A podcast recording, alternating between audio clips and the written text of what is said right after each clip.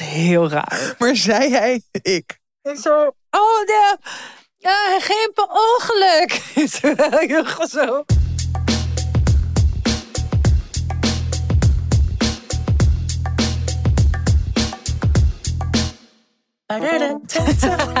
Hallo mensen, welkom bij Tussen 30 en Doodgaan. De podcast van Tatjana Almouli en Malou Holshuizen. Yeah! Nou, we zitten weer bij elkaar. Dat hoor je eigenlijk omdat jij dan altijd de vormgeving meezingt. Omdat we Dat die... irritant ben. Ja, als we op afstand eh, opnemen, dan horen we die niet. Dan zet Rinse dat er later Oh, tussen. Hoe zit ik in de microfoon te praten? Geen idee. Geen idee, maar we, ja, we hebben laatst in de vergadering het gewoon allemaal opgegeven. De relatie tussen Tatjana en haar microfoon.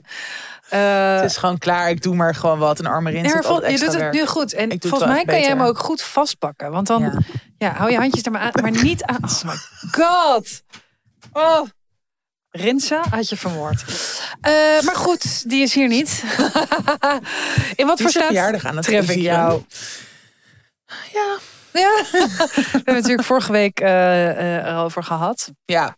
Nee, nou, vorige over gehad. Wij nemen er nu twee achter elkaar op. Ja, ik dacht. Laten we gewoon eerlijk zijn. Laten we, Oké, laten we dan. Ik zie er gewoon hetzelfde uit. Ja, jij hebt een leuk ander blouseje aan. Ik heb een ander hesje aangedaan. Nee, ik heb een hesje uitgetrokken. ik heb ook iets uitgetrokken. Ja, maar we nemen verder een zie ik er op. gewoon totaal... Ja, want jij gaat op vakantie. Nou, daar gaan we waarschijnlijk volgende week alles over horen. Of misschien Ja. nu ook al een beetje. In ieder geval. eh, het, het- ja, het gaat dus nog steeds niet geweldig. Aangezien we een uur geleden de andere hebben opgenomen. Ja. Zo veranderd in een uur. Ja, nee, ja gaat wel goed. Ja. nou, ik ben wel dus vrolijker omdat het gewoon een leuke aflevering was. En ik gewoon Mhm. met jou lekker heb gekletst. Dus dat is eh, zeker een upside. Maar ehm, ja, nou, ik heb het vorige week ook al een beetje gezegd. Maar ik word echt even gek van mijn werkleven. Mhm. Ik heb zo...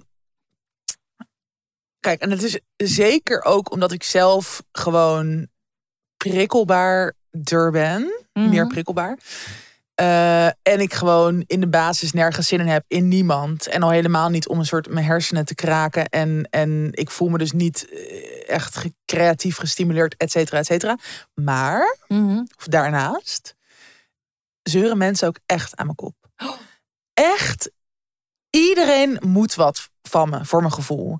En dan ook zo opdrachtgevers die dan zelf best wel om soms hele legitieme redenen, soms wat minder, dan gewoon zelf dingen laten liggen of, of gewoon zelf niet reageren op mails of onduidelijk zijn of, of eerst heel erg van oh we zien het wel ook wel goed en dan opeens volgende week moet je dit inleveren of kan je hier nu naar kijken vandaag? Oh ja, ja, ja, denk, ja. Kan je even reageren? ja, ja, dat ook. Dat is soort van dat ik één, dat ik één of twee dagen niet reageer. Ook gewoon dat ik bijvoorbeeld in Parijs was. Ik had gewoon een out of office aan.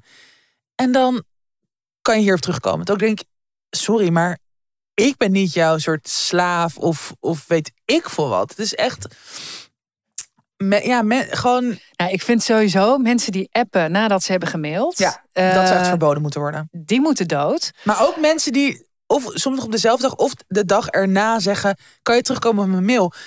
Wie heeft bedacht dat je dezelfde dag of één dag Ja. later altijd moet reageren? Ja, en weet je wat ik ook altijd zo grappig vind? Hm?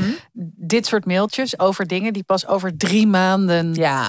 Zo, ja, Herman. eh, ik ga zeker reageren, maar ja, wel pas als de dingen voor morgen en overmorgen Ja, en volgende week gewoon geregeld niet- zijn. Het is, het is zo'n inbreuk op jouw eigen ritme, schema. eh, hetgene wat gewoon meer prioriteit heeft. Ja. En mensen houden daar gewoon nul rekening mee. Ze zijn alleen maar bezig met zichzelf. Mhm. En ja, ik werd er echt, of ik word, werd daar de afgelopen week gewoon helemaal Lijf gestoord van.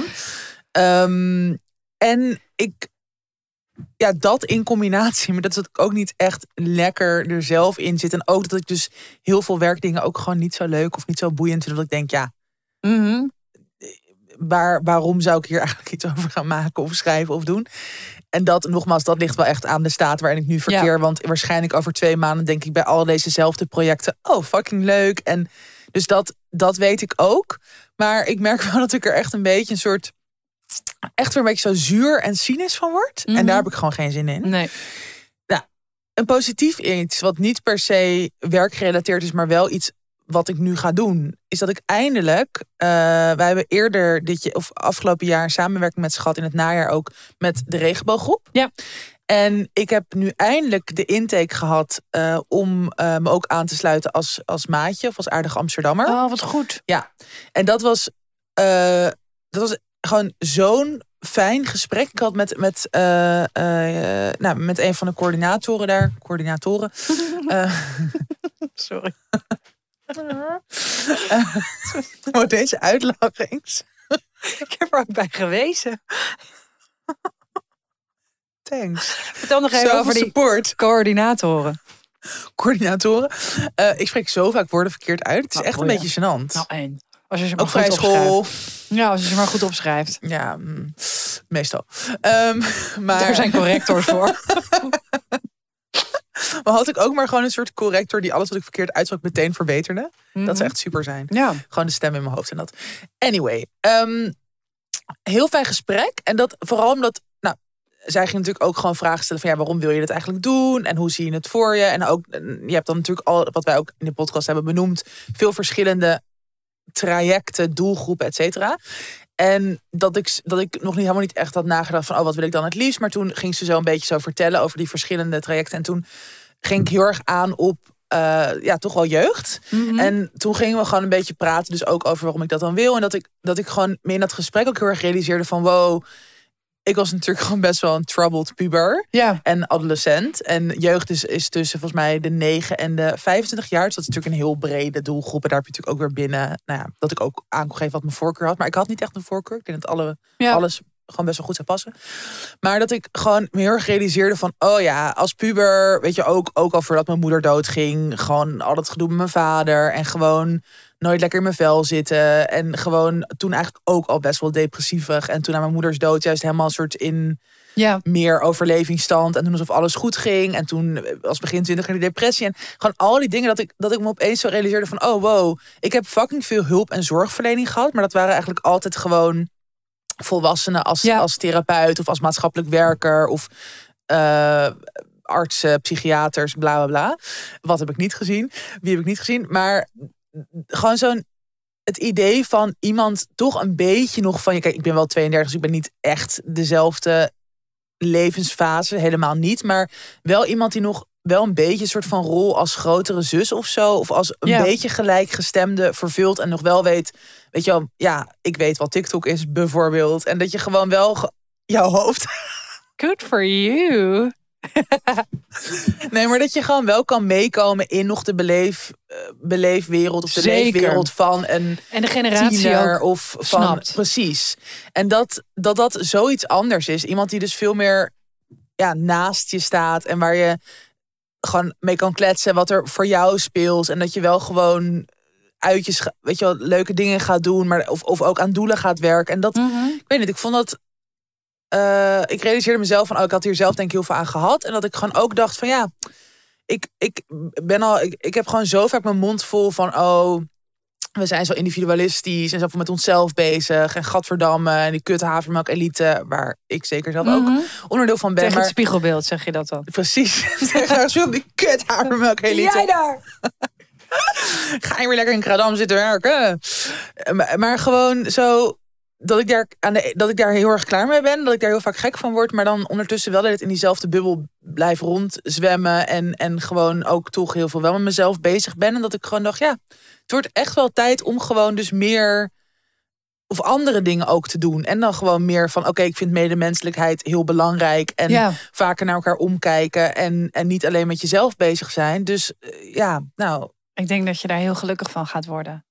Ja, en ik, ik, vind, ik, moet, ik wil ook oppassen met soort. eh, Ik want- denk dat het al je problemen oplost. Ja, precies. Op een, heel- een soort savior complex. Ja. En ook ga echt even iemand helpen. Nee, daar, daar gaat het niet om. Maar het gaat gewoon om. ehm, ja, het heeft wel natuurlijk wel ook te maken met, met zingeving. En met Ja. gewoon verder kijken dan, dan, ja, dan jezelf. En dan je, je directe bubbel of directe omgeving. En gewoon verbinding aangaan met verschillende mensen. En, en voor verschillende doeleinden. En ik denk, ehm, nou, ik ben in ieder geval blij dat ik dit heb gedaan. Ook omdat ik zo het gewoon al langer wilde. Omdat ik het ook toch weer een beetje op de lange baan schoof.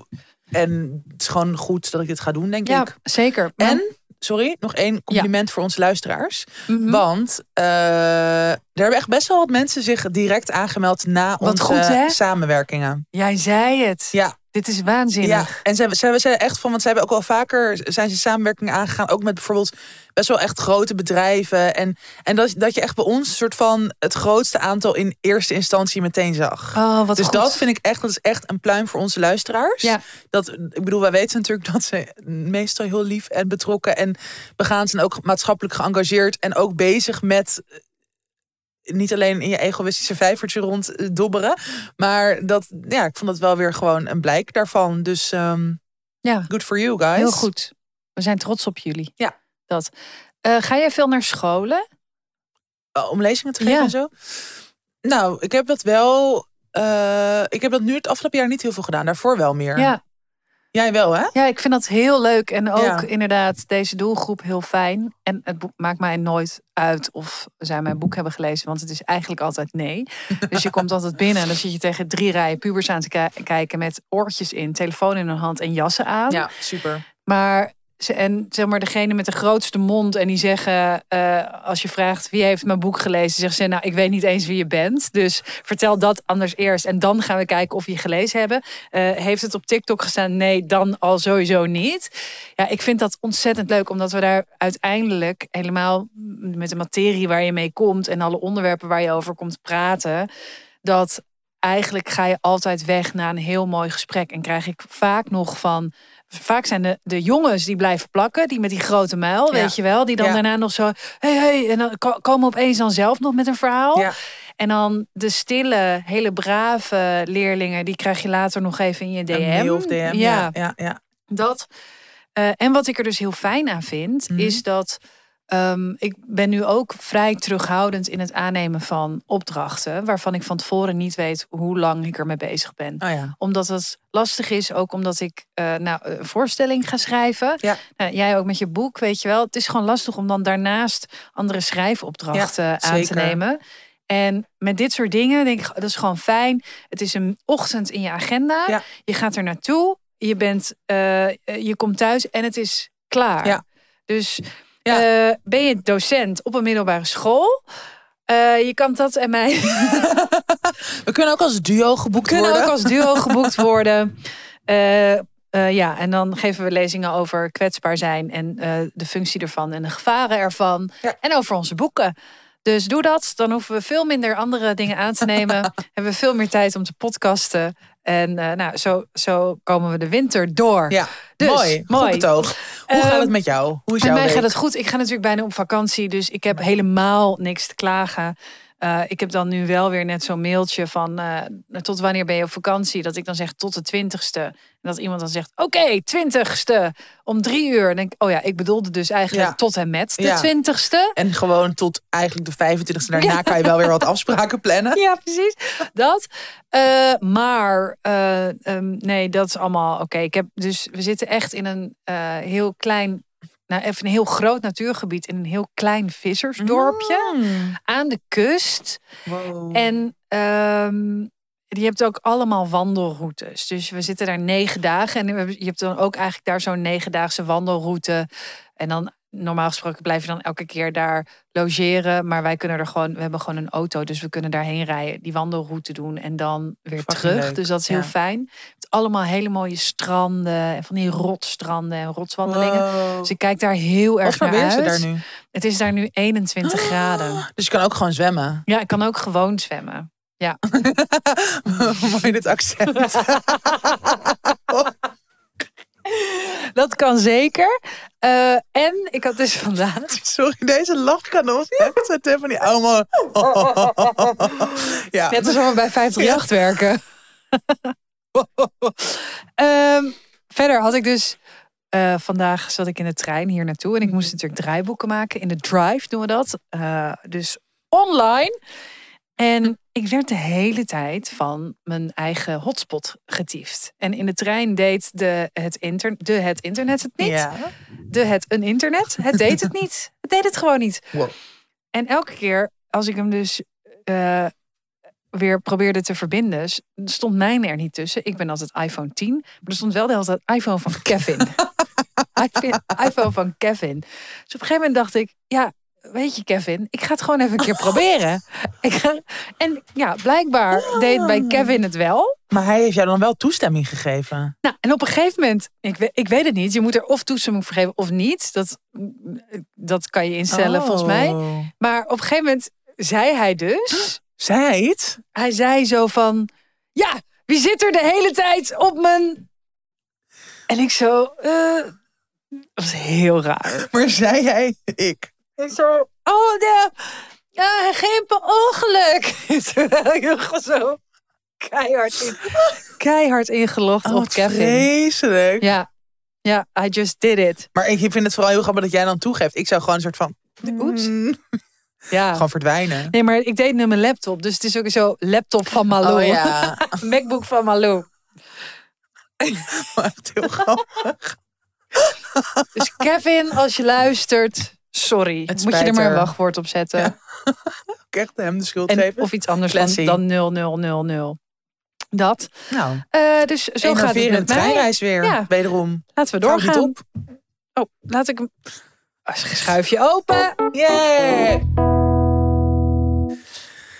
Waar wil jij het over hebben? Wow, ik zie nu... Het is altijd zo grappig bij jou dat jij dan echt zo achter mij dingen commentaar schrijft. Zo'n boomer. Dus ik heb zo gewoon weekthema met vrienden op vakantie. Jij in caps lock. Wat een goed thema! Dat vind ik gewoon leuk om Nou, te praten. Oké, Vertel. nou. Ik, eh, ja, ik weet niet of dit echt vakantie is. Maar ik ben uitgenodigd door een festival. Om daar, ja, dit is echt geweldig vind ik. Mhm. Dit is echt een soort van. Ik doe eigenlijk nooit meer influencer klussen. Eh, Tenzij het gewoon heel mooie spullen zijn. Of toch? ja, Ja. en of- natuurlijk, de podcast is, ja, is het, nou, Ja. ja. een beetje middenveld. Nou, wij schuiven veel door naar de podcast. Mensen die met ons willen Precies, samenwerken. ja. Dat voelen wij ons prettiger. maar en wel, dat, is, dat zeggen we vaak, maar dat is gewoon zo. Wel alleen merken en initiatieven waar we gewoon achter staan of waar we iets mee hebben. ja, ha. Anyway, ja, dat is gewoon wel zo. ja, zeker. Afijn. Ehm, ik werd benaderd door een festival. Ik zal het later wel een keer onthullen, want ik ga er naartoe. En ja, nou, ik kan het nu trouwens ook wel zeggen. Ja. Door Grasnapolski Festival. Oh, En, eh, oh ik doe ik- alsof ik het ken. Oké, is niet? het? Nee. het, is, het is een festival. Ik ben er dus nog nooit geweest, maar ik ken wel heel veel mensen die er zijn geweest. En het is een festival in Groningen. Het is begin maart, dus het is echt zo'n soort het inluiden van festivalseizoen eigenlijk. En het is ehm, zeker ook dansen, muziek, dat. Maar het is ook heel erg een kunst- en cultuurfestival. Wat leuk. Ja, dus volgens mij met eh, spoken word, ook theaterachtige dingen. Eh, dus ook veel eh, muzikale acts, maar ook best wel echt nog onontdekt of beginnend. Echt minder mainstream dan andere festivals die ik ken in ieder geval. Mhm. En, en ik kreeg een, een, een DM eh, of ik daar naartoe wilde met vijf anderen in een verzorgd bungalowhuisje op een nou, bungalowpark. En dan dus gewoon naar dat festival. En wie zijn die vijf anderen? Mag je, zijn dat bekenden van jou? Of? Dat zijn gewoon. Ik heb, nou, daar begon het dus mee. Oh, je moet, mocht je zelf mensen meenemen. Oh, en ik heb nog niks van jou gehoord. Nou, schat. ik, je kan wel zo doen, maar dit is jouw grootste nachtmerrie. Dus Klopt. laten we een soort Klopt. cut Maar ik wil wel gevraagd Ja, worden. nou, dan krijg je dit. Oh, wat vreselijk. nou, ehm, nee, ik heb jou inderdaad niet gevraagd. Net zoals het gro- een groot gedeelte van mijn vriendengroep. Want Mhm. vijf mensen is best wel weinig. Ja, ben ik achtergekomen. Ehm, en, maar goed, het begon er dus mee dat ik dacht, wow, fucking leuk. En toen dacht ik, hmm, Moeilijke vraag eigenlijk wel. de selectieprocedure is Oh, ja. echt best moeilijk. Om dus van wie neem je dan mee? Nou, en ik heb nu gewoon heel erg zo. eh, want kijk, ik wilde natuurlijk mijn lover meenemen. Ja. Dat, dat stond gewoon buiten kijf. En toen dacht ik, ja.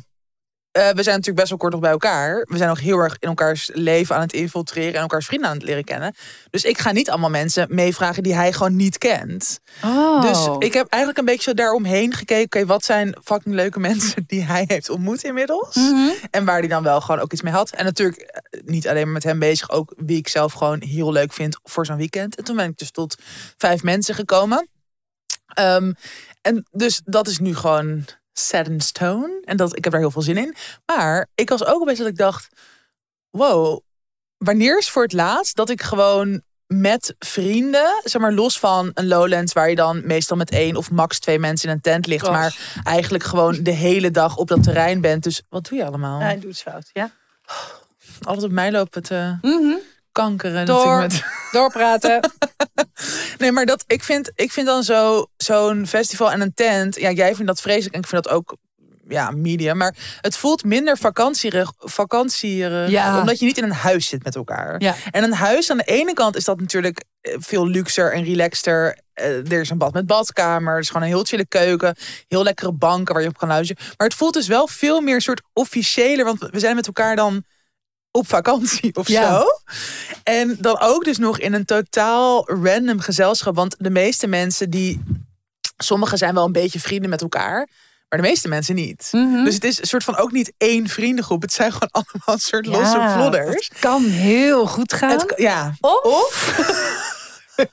en omdat ik natuurlijk iedereen heb meegevraagd, voel ik me super verantwoordelijk. Ben jij eindverantwoordelijk? Ben ik eindverantwoordelijke? Nou, ik denk dat ik gewoon iedereen heel veel drugs ga voeren. dat wordt Wat mijn. een goed idee. Dat is altijd ga- een goed ja, idee. Nee, nee, helemaal niet. Maar het is wel zo dat ik opeens daar zo over na ging denken van... oh ja, vrienden op vakantie, dat voelt voor mij dus toch vooral heel erg iets... wat je vroeger deed als tiener zijnde. Of tenminste ik. Mhm. Dus ik ben meerdere keren met mijn toenmalige beste vriendin... ben een keer met haar met z'n tweeën naar Turkije geweest. We zijn een keer met haar vader en, en diens vriendin... ehm, naar Frankrijk gereden. We zijn een keer met mijn moeder en eh, losse vlodders naar Vlieland gegaan. Dus met haar ging ik dan best wel vaak op vakantie. Dat was soms heel leuk. Heel vaak ook echt best wel drama. Dat Ja. zij zo, dat we dan een hele ruzie hadden. Dat zij dan echt zo huilen met haar moeder ging bellen en zo. En dat het soort echt niet leuk was eigenlijk. Maar dat ik dat dus daarna... Ik ben één keer met de vriendengroep van mijn ex naar Frankrijk gegaan. Dus dat was dan wel echt... En dat was ook met, was ook met zeven, zes, zeven mensen of zo. Dus dat was een beetje zo hetzelfde Ja. als nu. Maar voor de rest heb ik dat ook gewoon dus nooit echt gedaan. Jij? Wat raar. ja, Oké. eh, ik had een vriendengroep eh, waarmee we dat jaarlijks deden. Dan zo'n weekend weg, echt met een man of twintig. Oh. Ehm, en dat ging bij mij eh, goed. Ehm, niet echt. Nee, het ging niet goed. Nee? Nee, want ik, kijk, ik had toen verkering met eh, Koen. Nou, dat was drama. Ja. Eh, dus ja, dat was daar ook drama. En later eh, was ik dan altijd met, met, met Sjors. En dat was heel leuk. Eh, dus dan, dan- ja, dan is het twee of drie jaar wel goed gegaan. Ja. En dan eh, sliepen wij altijd lekker samen. En dan we- trokken we wel een beetje ons eigen plan als in... Nou, we trokken gewoon ons eigen plan. En het is ook fijn als je met iemand bent waar je geen ruzie mee maakt en die je niet haat. Ja. Maar ja, ik in, een, in zo'n groep is gewoon... Het is gewoon wachten tot het misgaat. Ik kan dat helemaal niet aan, want ik moet gewoon ergens op een dag alleen zijn. Ja. Want anders laat ik niet op en Nee. dan eh, ben ik overprikkeld. En dan wordt Ja. het gewoon heel vervelend. Ja.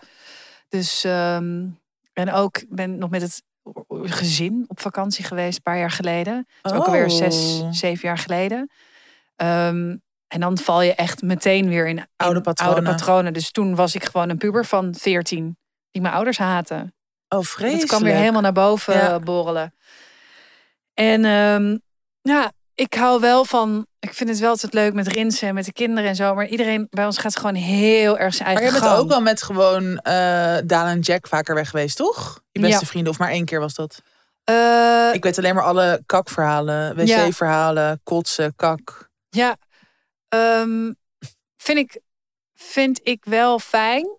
Alleen dan ook heb ik in die samenstelling heel veel tijd voor mezelf Ja. nodig.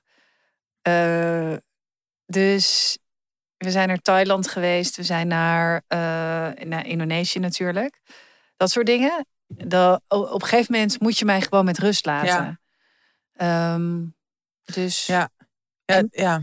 en, wil ik, en, en ik vind het dus moeilijk om me aan te passen aan waar gaan we heen, wat gaan we doen, weet je wel. Ik vind het moeilijk om dan, ja, en dat was zo heel lekker toen ik met Rins in Indonesië was. Dus een soort van, ja, het zijn jouw routes, dus bepaal jij Ja. maar of zo. Terwijl, ja, het was ook gewoon zijn vakantie. Ehm, maar ja, hoe groter de groep, hoe moeilijker het wel wordt voor mij. Ja, ja ik, ik, heb, ik herken het heel erg dat ik ook die tijd nodig heb. Mhm. Ehm, en ik denk dan wel dat dat is gewoon wel fijn aan zo'n festival. Dat je natuurlijk, kijk, daarin kan je natuurlijk ook je gaat nooit de hele tijd met de hele groep er overal naartoe. Nee. En ik vind het heel fijn dat ik gewoon in principe. Wij zijn het enige stel in die groep. Wat ik aan de ene kant is dat een beetje gek. En aan de andere kant vind ik dat ook wel chill. Ja. Eh, want daardoor kan je ook, gaat het misschien ook wel natuurlijker dat je soms even met z'n tweeën gaat. En dat we wel natuurlijk allemaal gewoon, of in ieder geval in tweetallen, gewoon een eigen kamer hebben. Mhm. Dus dat, ik denk dat dat ook gewoon relaxed is. En ik heb, er ook, ik, ik, ik heb er gewoon heel veel zin in. En ik zie het ook gewoon wel als een soort van interessant sociaal experiment of zo. Ja. Ehm, en dat, het voelt wel gewoon weer even, zeg maar ook waar we het vorige week over hadden, dat ik gewoon bij heel veel dingen denk, ugh, geen zin in of geen energie voor. En dat ik dus dit wel weer even een soort van leuke nieuwe prikkel vind, omdat het dus gewoon even als totaal iets anders voelt. Ja, snap ik. Eh, en het wel, het voelt ergens ook een beetje gewoon al als mijn verjaardag, want het zijn wel allemaal gewoon mijn vrienden. ja, gewoon dus iedereen zonder ik. Ja, Ja. jezus. Nou, ik zal je elke dag facetimen daar. Nee. nee. nee, graag. Oh ja, nee, ja, ik, ja. Nou, we hebben natuurlijk ook wel... Ik eh, ga natuurlijk echt al 15 jaar naar Oerol met dezelfde Ja. groep. Oh ja. Mm. Maar dat is dus sinds vier jaar heb ik ook een eigen hotel. Dat doe ik niet meer Ja. mee in het Huisje. huishouden. Ja. Nee. Ja, ik, ik weet dus gewoon echt niet. Ik ben, ik ben gewoon heel benieuwd. Ik weet gewoon niet hoe het nu in mijn. Zeg maar, gewoon nu zijn op mijn 32e. Hoe, hoe, hoe ik hier in ga navigeren. Of wat ik ervan vind. Of hoe het gaat. Ja, Dat is gewoon zo grappig dat het zo erg. Maar ook eigenlijk inderdaad best wel raar. Want er zijn natuurlijk heel veel mensen die altijd met hun vrienden op vakantie gaan. Die dat gewoon een soort van vaste prik. Mhm. Dat is gewoon voor mij, ja, dan inderdaad meer festivals. Maar dan ook meestal gewoon maar met één vriendin of zo in een tent. Ja. Vorig jaar met Lizzie en Stijn. en Dat was eigenlijk de max. Ja. Ik ben zeer benieuwd hoe het nu met eh, vijf anderen gaat. ik ben heel benieuwd. Ik ben ook benieuwd Will wie je hebt report back. Ja. Ja, dat zou ik nog maar een keer vertellen. Ik eh, wilde het graag hebben eh, over de Sephora-cultuur. Oh ja. Ik kreeg een filmpje doorgestuurd eh, via Instagram van Maxim Hartman. Ik weet eh, geen idee waarom hij dat naar mij stuurde. Waarschijnlijk denkt hij, vindt hij me eruit zien als een clown of zo. Maar dat ging dus over. eh, ben je, jij bent naar Parijs geweest. Ja. Het succesverhaal Parijs. Succesverhaal Tatjana in Parijs. Parijs. Ja, Netflix, bel die meid. Ehm, dat is ook zo'n hele depressieve. Dat je zo Emily in Paris. hi, en dan zo Tatjana in Parijs. Best wel een vibe. Ik kan hier Ja. wel een serie over schrijven Ja. hoor. Oh, goed. Ja, Goed idee. eh, NPO, doe eens eens wat goeds. Ja, doe eens wat goed. Doe eens wat goeds. Doe eens iets leuks. Ehm, eh, en, maar dat was een filmpje over twee podcasters eh, in Amerika, geloof ik. Hele, leuk, hele leuke vrouwen. En die hadden het over... Oh my god, ben je wel eens in een Sephora geweest? En Ja. wat zie je dan? Ja, wat gebeurt daar? Wat gebeurt daar? Nou, Nou, leg jij het ik even was uit. dus. eh, jij, jij had mij wel geïnspireerd, want jij zei opeens van. eh, oh, moet je niet ook naar de Sephora gaan? Ik dacht, Sephora, Sephora, wat is het ook alweer? Oh ja, die make-up winkel. Of tenminste, cosmetica make-up. Je hebt er ook eh, verzorgingsproducten, maar het gaat vooral om de make-up. Je hebt er allemaal merken die je dus niet echt op heel veel andere plekken hebt. Zoals Fenty van Rihanna en Drunk Elephant en et cetera, et cetera. En eh, toevallig liep ik er op een ochtend langs, toen het net open was. Toen dacht ik, nou, Ja. het ziet er nu best wel rustig uit. Dus ik ga gewoon een keer mijn slag slaan. Mhm. Ik helemaal op fucking TikTok kijken. Want het is inderdaad, dat, dat zit ook in dat filmpje dat jij ehm, ook aan mij had doorgestuurd. Ja. Dat het dus echt een TikTok-trend is geworden onder Oh, tieners. ja. Dus als je dus ook op TikTok zoekt, dan vind je echt miljoenen video's. Waar mensen dus ook een soort. Ja, allemaal tutorials of gaan laten zien wat ze daar dan hebben gekocht. En, maar dat zijn inderdaad echt kinderen die dat dus laten zien. Mhm. Anyway, ik heb daar wel inspiratie uit gehaald. Ik had op een gegeven moment een soort lijstje waarvan ik dacht... oh, dit moet ik allemaal kopen. Waaronder deze. Ja, maar ik dacht net dat jij je lip had laten Ja, opspuiten. het, is dus, het is dus gewoon lipgloss. Oh, zie je, jij bent dus ook, je bent gegrepen. Ja. Je bent gegrepen. Maar goed, ik ben geen tiener. Want wat er inderdaad gebeurde... en dat is, dat is ook wat er in dat filmpje zat wat jij zei... Ja. Ehm, ik was daar binnen. Het was volgens mij dus tien uur ochtends. Het was net open. Nou, eerste vijf à tien minuten was ik inderdaad gewoon lekker rustig aan het rondkijken. Opeens komt er een soort horde met allemaal inderdaad fucking jonge mensen. Ook wel gewoon twintigers moet ik zeggen. Maar ook echt Ja. ja, kinderen die wel al die heel hevig opgemaakt waren. Dus ze kwamen daar helemaal opgemaakt aan. Mhm. Inderdaad 11, 12, 13-jarigen denk ik. En die gewoon een soort van met een mandje en een soort overal rondkrioelden. Precies wisten wat ze moesten pakken ook. Ja. Eh, natuurlijk vooral in het Frans. Ik verstond niet echt wat ze zeiden. Maar ze waren heel druk aan het praten. Waarschijnlijk al een soort van inspiratie aan het uitzetten. I don't know. Maar gewoon... En ze... Kijk, ik weet niet of jij nog weet hoe jij gewoon was als tiener. Maar ik... Nou, precies. Daar Ja. wilde ik het over hebben. Want ik zag er, ik bedoel, ik zie die meisjes nu. ja, ja, het ziet er waanzinnig uit. Wij alleen kunnen het, niet make-uppen zoals zij kunnen alleen het klopt niet. Nee, want Je ze zijn ziet- gewoon kinderen. Ja, je ziet een volwassen gezicht Ja. op het gezicht van een meisje van 10, 11. Dat. En ja, inderdaad, toen dacht ik na, waar, wat had ik voor make-up op die leeftijd? Nou, dat waren die drie potjes van de HEMA Ja. die je op elkaar schroefde. Wat dan als je dat opsmeerde en daarna werd dat zo, ging dat helemaal klonten en zo in dat huidplooitje zitten. En het je- was en voor je ogen, en voor je wangen, en voor je lippen. Een soort van, je kon het overal opsmeren. ook zeg maar ja, lichtblauw. Eh, echt Een soort smerig. viezig bruinig. Ja, ja, die Terwijl je had dan zag ook. je er soort van als je oma uit, terwijl je dus ook inderdaad elf Ja. was of zo. En ik had eh, make-up van Miss Sporty. Oh ja, Weet je dat ook, nog? ja. Van die donkerblauwe lipstift Ja, ook. Wat, En wat, lipgloss heel veel. Oh, Ja. heel veel. Mega plakkerig. Ehm, ja, en ik dacht dus... eh, en, weet je wel, als je kijkt naar wat bij ons een trend was. Het, het lijkt een beetje alsof de, de speelgoed gadgets... Dus de, wat voor ons Tamagotchi was. En je had ook op een gegeven moment zo'n ja, zo'n soort palmtop Ja. ding... Weet ik veel. Of, zo'n of een pen met een pluimpje ja, eraan. ja, ja, omdat ja. Met zo'n fluffy dingen. Ja, dat. Of gewoon een Walkman of zo. Inderdaad, dat dat een beetje dat, dat zo'n Sephora, dat dat het nieuwe. Dat moet je hebben, want dan hoor je erbij. Ja, precies. En eh, dat was ook heel grappig. En dat zeiden die meiden ook. En ik ging dat dat, even filmpje, opzoeken in, in, op filmpjes. Dat, dat je dus ja, soort eh, influencer tieners eh, ziet praten over oogcrème. Ja. En over vitamine, Vitamine voor C dit. En serum, voor anti-age ding. Ja. Ik hoorde dus een tienjarige iets zeggen over anti-age dingen. En ik dacht, what the fuck?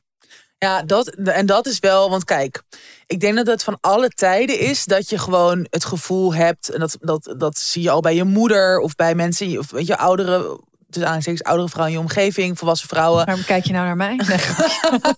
Ja, schat, jij bent een oudere vrouw in mijn Ja. leven, hoe je het ook bent Ja. verkeerd. Jij blijft altijd ouder dan ik. Ehm, gelukkig eh, heb je botox, dus je ziet er jonger uit. Niet maar, meer. Nee, weet ik. Eh, nou, je ziet het meteen. Het gaat niet meer terug. Anyway. Ehm, nee, maar dat je, dat je als kind al, dat je gewoon wil zijn als de volwassen vrouw in je leven. En Ja. die hebben vaak make-up en bepaalde kleding. En je gaat vroeger als kind ook al de hakken van je moeder aan, et cetera. Dus dat is niet iets nieuws. Maar waar het wel eh, eh, begint te veranderen, is dat dus door social media, door influencercultuur, veel jongere kinderen en tieners al die voorbeelden zien van inderdaad anti-aging of ook plastische chirurgie Echt heel slecht. dikke ook. lippen. Dus dat vond ik dus in die Sephora. Zaten allemaal van die jonge meiden. Zaten met, ja, nogmaals, dit is inderdaad een lipgloss. Ik heb het ook gekocht, maar ja, ik ben 32. Eh, die een beetje doet lijken alsof je lippen dus een beetje opgespoten zijn. Het tingelt ook. Het is Mhm. dat effect. Maar je zag die meiden met die lipgloss en daaromheen nog helemaal zo lipliner rand. rand maken. En dat je aan de ene kant precies wat jij zegt, denkt van, oh, het ziet er eigenlijk best wel goed uit. Je bent hier goed in Ja, omdat je duizend TikToks per dag in waarschijnlijk over kijkt. Maar het is gewoon, als je er langer over nadenkt, net als met die anti-aging. Het is fucking verneukeratief dat zulke jonge meiden hier nu al mee bezig zijn. En dat dat dus weer dat hele, mm, op, ja, geïnternaliseerde schoonheidsideaal is. Of, oh, daar moet je aan voldoen.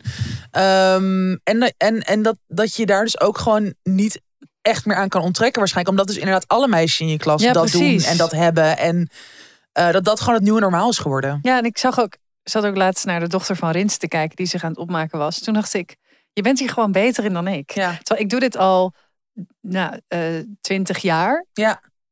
En jij één of twee jaar. En je bent er gewoon beter in. Ja, maar dat is omdat je dus...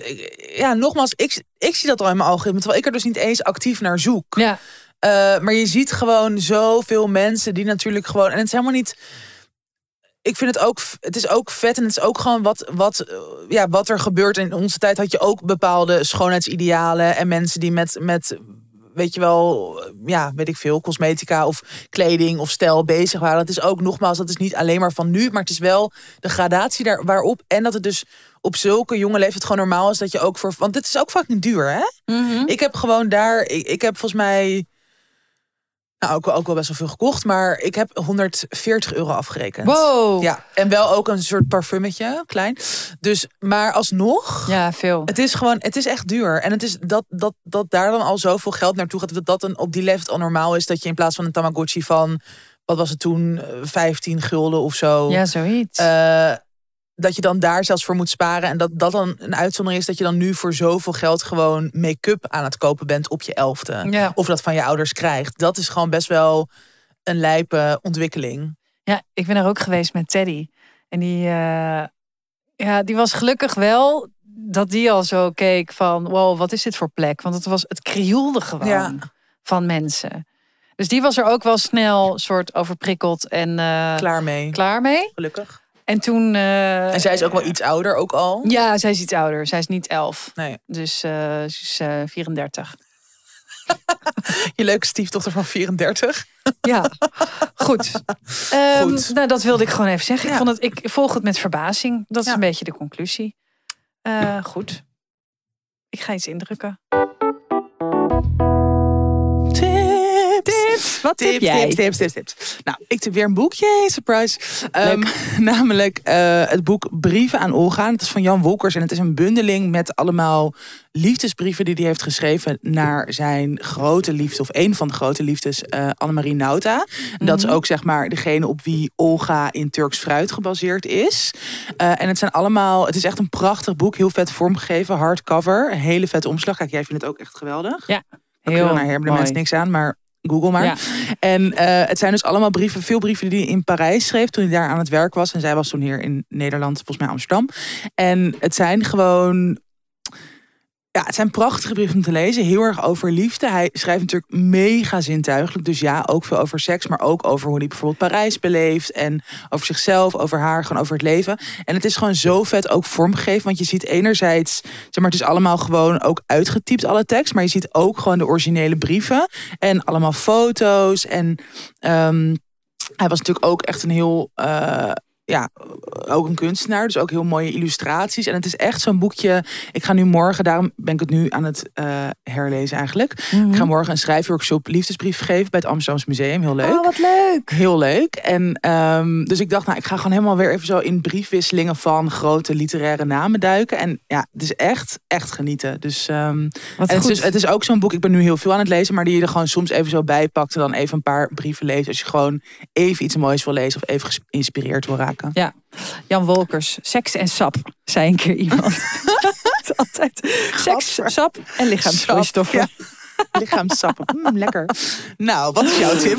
Nou, eh, ik heb een hele andere soort tip. Ik heb eh, de driedelige eh, docu American Nightmare, staat op Netflix. Mhm. En dat gaat over. eh, de docu begint met een man op het politiebureau en die zegt. Eh, gisteravond is mijn vrouw ontvoerd. Toen wij s s'nachts op bed lagen. En die komt met een Wow. heel raar verhaal. eh, dat er iemand in een wetsuit binnenkwam. En een laserpistool die een camera ophing in het bed. En die ze hoestdrank lieten drinken. En nou, dat ze daarom allerlei ja, hele rare en weirde dingen moest doen. En uiteindelijk is die vrouw meegenomen. en je ziet dat, dat Ja. de politie meteen denkt... ja, doei gast, je hebt gewoon je vrouw vermoord. En eh, ja, dat. Wow. En dan duikt die vrouw opeens weer zomaar op. Ergens in een dorp. En, eh, eh, nou, en dan gaat het dus eigenlijk over wat is hier gebeurd. En ehm, wat goed is om te weten is dat de film Gone Baby met Ben Affleck op dat moment ook net uit is. En daarin, ehm, dus die case lijkt heel erg op wat er in die film zich afspeelt. En in die film speelt het zich af dat eh, een vrouw eh, zet haar eigen ontvoering in scène omdat haar man vreemd gaat. Nou, en dan zie je eigenlijk hoe de politie dit eh, behandelt. Ehm, Dat is Gone Girl, toch? Of niet? ja, Gone Girl. Oh ja. Gone, oh, heb ik Gone Baby heb ik opgeschreven. Ja, oh, ja, maar Gone, Girl. Ja, maakt Ja. uit. Ja, dat is echt ook zo'n vette film. Ja. Nou, en het is, gaat dus eigenlijk over, ja, heel erg over beeldvorming, over ja, horrorscenario's en over ja, echt heel weird. Het is echt een hele goede serie. Ik was er wel bij in slaap gevallen, maar ik was heel brak. maar het was zo goed dat je zo dat ik al wist hoe, hoe het afliep, maar dat ik dan toch nog de delen die ik in slaap was Ah, ja. gevallen zo ging terugkijken. Terugkijken. Oh, nou dat Ja. zegt wel heel veel. Goeie, Absoluut. goeie add-on. Dus eh, eh, ja, de docu American Nightmare is mijn tip. Nice. Nice, nice, nice. Het luisteraarsbericht. Het luisteraarsbericht. Het is een lange, dus we gaan hem even opknippen. Hè? Ja. Oké, lieve Tatjana en Malou. Vragen beantwoorden ze bij meerdere podcasts. Maar dit is zo'n specifieke vraag. Die kan ik alleen aan jullie stellen. Dus ik hoop echt van harte dat jullie deze willen behandelen. Ik denk dat het voor veel anderen interessant is. Ik ben Marieke en ik ben 28 jaar oud. Ik ben in mijn leven heel vaak helemaal vastgelopen. Voor mij is slash was hulp zoeken een hele hoge drempel. Maar toen het echt niet meer ging, lees, kon alleen maar huilen de hele dag, kwam ik via de praktijkondersteuner, dikke tip, terecht bij een instelling die dan onderzoek ging doen. Dit was sowieso altijd een ingewikkeld traject, want ik werd van het kastje naar de muur gestuurd. Elke keer zijn instelling nee, ze past net niet hier in onze aanname, dus ze moet daarheen. Zo ging het steeds door. Dit vond ik erg pijnlijk om te zien. Ik snap dat ze bepaalde expertise willen hebben, maar zo werd ik echt nergens geholpen. Uiteindelijk heb ik de huisarts gevraagd de verwijsbrief te veranderen. Minder OCD-achtig en angststoornis. En zo werd ik aangenomen ergens. Dit traject heb ik drie keer doorlopen en ik heb drie keer net voor de uitslag besloten om te stoppen.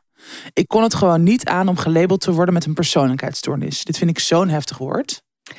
De vierde keer. Trouwens, dat zeg ik niet, dat staat in de brief. Het Ja, komt ja. een soort van. No Ik judgment spreek van het woord persoonlijkheidsstoornis Ja. niet. We lezen hem letterlijk voor.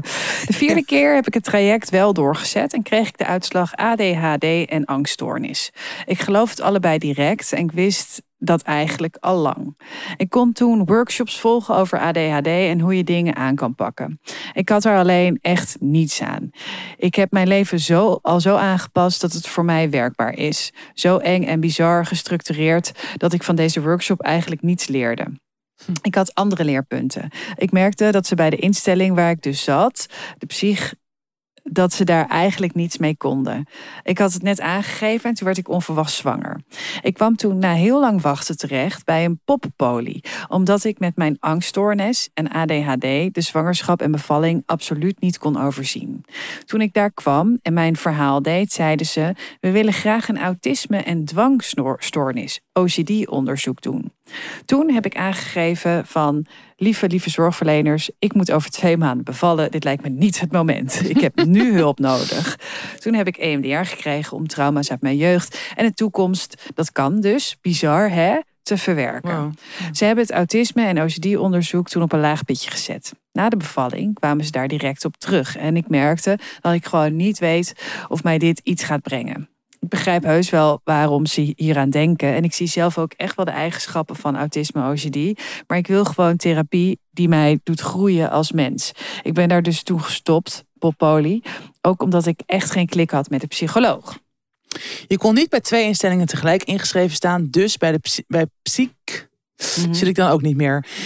Ik merk dat ik momenteel weer zo gigantisch last heb van mijn ADHD... dat ik echt hulp wil hierbij. Ik kan de overprikkeling gewoon niet aan. Ik kan simpele basale dingen niet. Ik doe domme en soms zelfs gevaarlijke dingen. Maar als ik mij aanmeld, dan weet ik zeker dat ze weer willen starten met onderzoek naar autisme slash OCD. Het is niet dat ik het niet dat ik het per se niet wil, hoewel ik met bijna niemand heb gedeeld dat ik ADHD heb, maar iedereen het wel denkt en soms zegt. Maar ik wil gewoon echt therapie waar ik mee verder kom. Daarom mijn vraag aan jullie: wat doen jullie in therapie? Is het ook zo dat je alleen maar praat? En hoe leer je dan nieuwe dingen en hoe brengt het je inzichten? Wat heeft jullie verder gebracht? Herkennen jullie dit beeld van continu onderzoek willen doen naar mogelijke stoornissen? En wat zouden jullie adviseren? Naar wat voor soort instelling moet ik op zoek? En hoe noem je therapie die je handvatten geeft om het leven beter aan te kunnen? Ik heb overigens geen brede portemonnee, dus het moet iets zijn wat betaalbaar is of vergoed wordt. Mm. Ik probeer trouwens ook boeken te lezen om mezelf te ontwikkelen over zelfontwikkeling, ADHD, et cetera. Groetjes, Marike. Niet mijn echte naam. Oké, Marieke, niet je echte naam. Heel veel vragen. Heel veel vragen. Kijk, ehm, wat ik heel prettig vond, eh, helemaal als het gaat over die ADHD en autisme. Kijk, eh, ik vond het wel heel prettig om daar alles over te weten. En ook om iemand anders daar het licht over te laten schijnen over mijn gedrag. Want het is uiteindelijk zo'n diagnose, het is wat je er daarna zelf mee, Mee doet. doet. Ja. Ik bedoel, ja, je hoeft het niet te delen met mensen. Je hoeft geen stempel op je voorhoofd te krijgen. Ehm, dus nou, ik kan alleen maar praten uit mijn eigen ervaring. Ik vond het heel verhelderend om eh, te horen.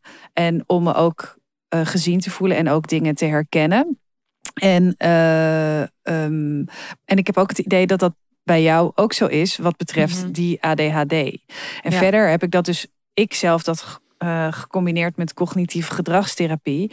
Omdat je zo kijkt naar je eigen gedrag en hoe je daar zeg maar gepersonaliseerd met al, al je stoornissen en ja, valkuilen, uh, valkuilen Ja. en eh, labels en weet Ja, ik veel wat, daar het beste mee om kan gaan. Dus daarin voelde ik me juist helemaal geen nummertje. Wat je misschien Nee. bij het krijgen van zo'n diagnose wel zou kunnen voelen. Van nou, bam, sticker erop en dit is het en succes ermee in de wereld. Maar om dat te combineren met die cognitieve gedragstherapie, eh, kon ik juist ja, heel erg verder komen. En ja, helemaal als het gaat over ontprikkelen, overprikkelen, Ja. eh, dwangneuroses. Ja, that, that's my name. ja. En dat had vaak toch wel een andere. Eh, weet je wel, het, het heeft wel te maken met ADHD en autisme, maar het heeft ook te maken met de situatie die ik voor mezelf altijd creëerde. En dat Ja. heb ik daar heel erg geleerd. En ik denk ook dat je, je zegt zelf dat je heel erg in het hier en nu met dingen waar je nu tegenaan loopt eh, mee aan de slag wil. Maar dat kan dus juist, denk ik, heel goed als je jezelf zo goed mogelijk kent, in kaart Ja. brengt en je specialist dat ook kan doen. En daar is het juist soms fijn voor. En dan gaat het inderdaad niet specifiek om die labels, maar wel om dat soort onderzoeken allemaal dus wel te doen en echt in kaart te brengen. En dan te kijken wat een passende Mhm. therapievorm voor jou is. En ik denk dat het alleen maar kan als je wel al die kanten van jezelf zeg maar daarin meeneemt. Ja.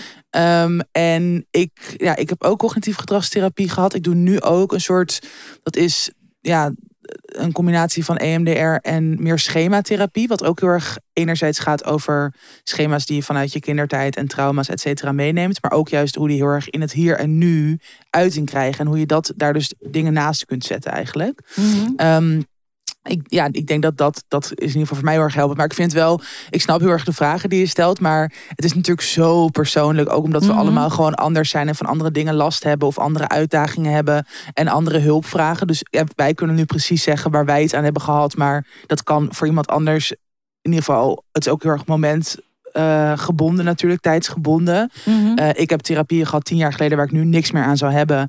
En dingen die ik nu aan het doen ben, had ik tien jaar geleden niet kunnen doen. Omdat ik er gewoon niet aan toe was. Dus daarin ja, heeft niet zoveel zin als wij nu een soort lijstje gaan geven van... Ja, Oké, ga dit doen. Maar ik denk dat, dat je vooral inderdaad, dat is mijn grootste ding, ook als ik deze brief lees, gewoon niet te bang zijn. Eh, en ik snap, ik snap dat je bang bent om in hokjes gestopt te worden of om labels te krijgen. En dat je soort van dat alles daar wordt a- aangeha- hoe noem je dat? Aan vast wordt ge- Mhm. ge- gehangen. Ik kom even niet op mijn woorden, maar ehm, conclusies aan worden verbonden. Want soms is dat ook zo. Dat is natuurlijk ook wel de maatschappij in waar we leven. Dat het gewoon heel makkelijk is om soort iemand in een hokje te duwen en eh, dat. Maar ik ben het vooral heel erg eens wat jij zegt, Malou, van het gaat er echt om hoe je er zelf daarna mee omgaat. En ehm, hoe je het ook in je voordeel, zeg maar, kan gebruiken. En ik denk ook, als ik.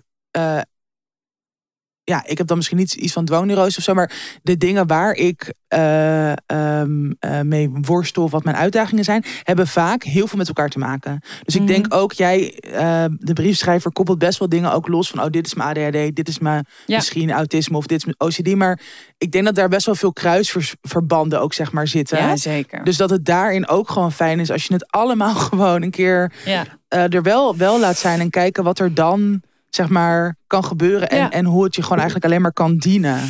Ik had deze brief vier jaar geleden kunnen schrijven. Hmm. Want ik zat natuurlijk ook met en een angststoornis en een eh, trauma en eh, Ja. heel druk en eh, alles op kleur en alles netjes zetten en heel nerveus Ja. worden als dat niet zo en smetvrees en alles. Mhm. En ik denk dat eigenlijk wat me het meest heeft geholpen is dat je uiteindelijk hulp krijgt van iemand waar je je heel goed bij voelt. En Ja. ik vind het ook heel goed Ja. om te lezen dat je zei, ik had geen goede klik met deze psycholoog of deze therapeut. Eh, en dat is natuurlijk ontzettend belangrijk. Dus ja, eh, mocht je je huisarts daar wel een hele goede klik mee hebben, is dit, dat denk ik gewoon weer stap één. Ja. En ehm, ja, wat jij zegt is ook heel goed dat, dat niemand is hetzelfde. En voor iedereen werken andere dingen anders. En mijn therapie zou ook niet weer opnieuw werken. Dus wij Nee, kunnen jou jou niet nu. vertellen Nee. wat je nu moet doen.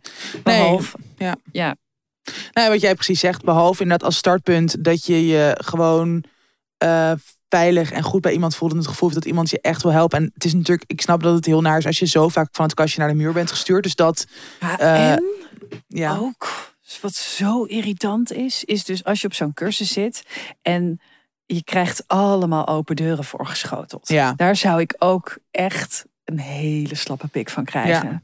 Ja, Ja, of zou dus het ook- gevoel van dit heeft voor mij nu echt. Dat je, je kan soms voelen, dat heb ik ook wel eens in therapie gevoeld. eh, van oh, dit, dit werkt voor mij nu echt niet. Ja, Alleen- inderdaad. En dat, en dat is ook, dat is inderdaad echt een vervelend gevoel. Maar ik zou wel proberen een soort van het grotere perspectief te zien van oké, maar alsnog kunnen er dan misschien dingen zijn die wel helpend zijn.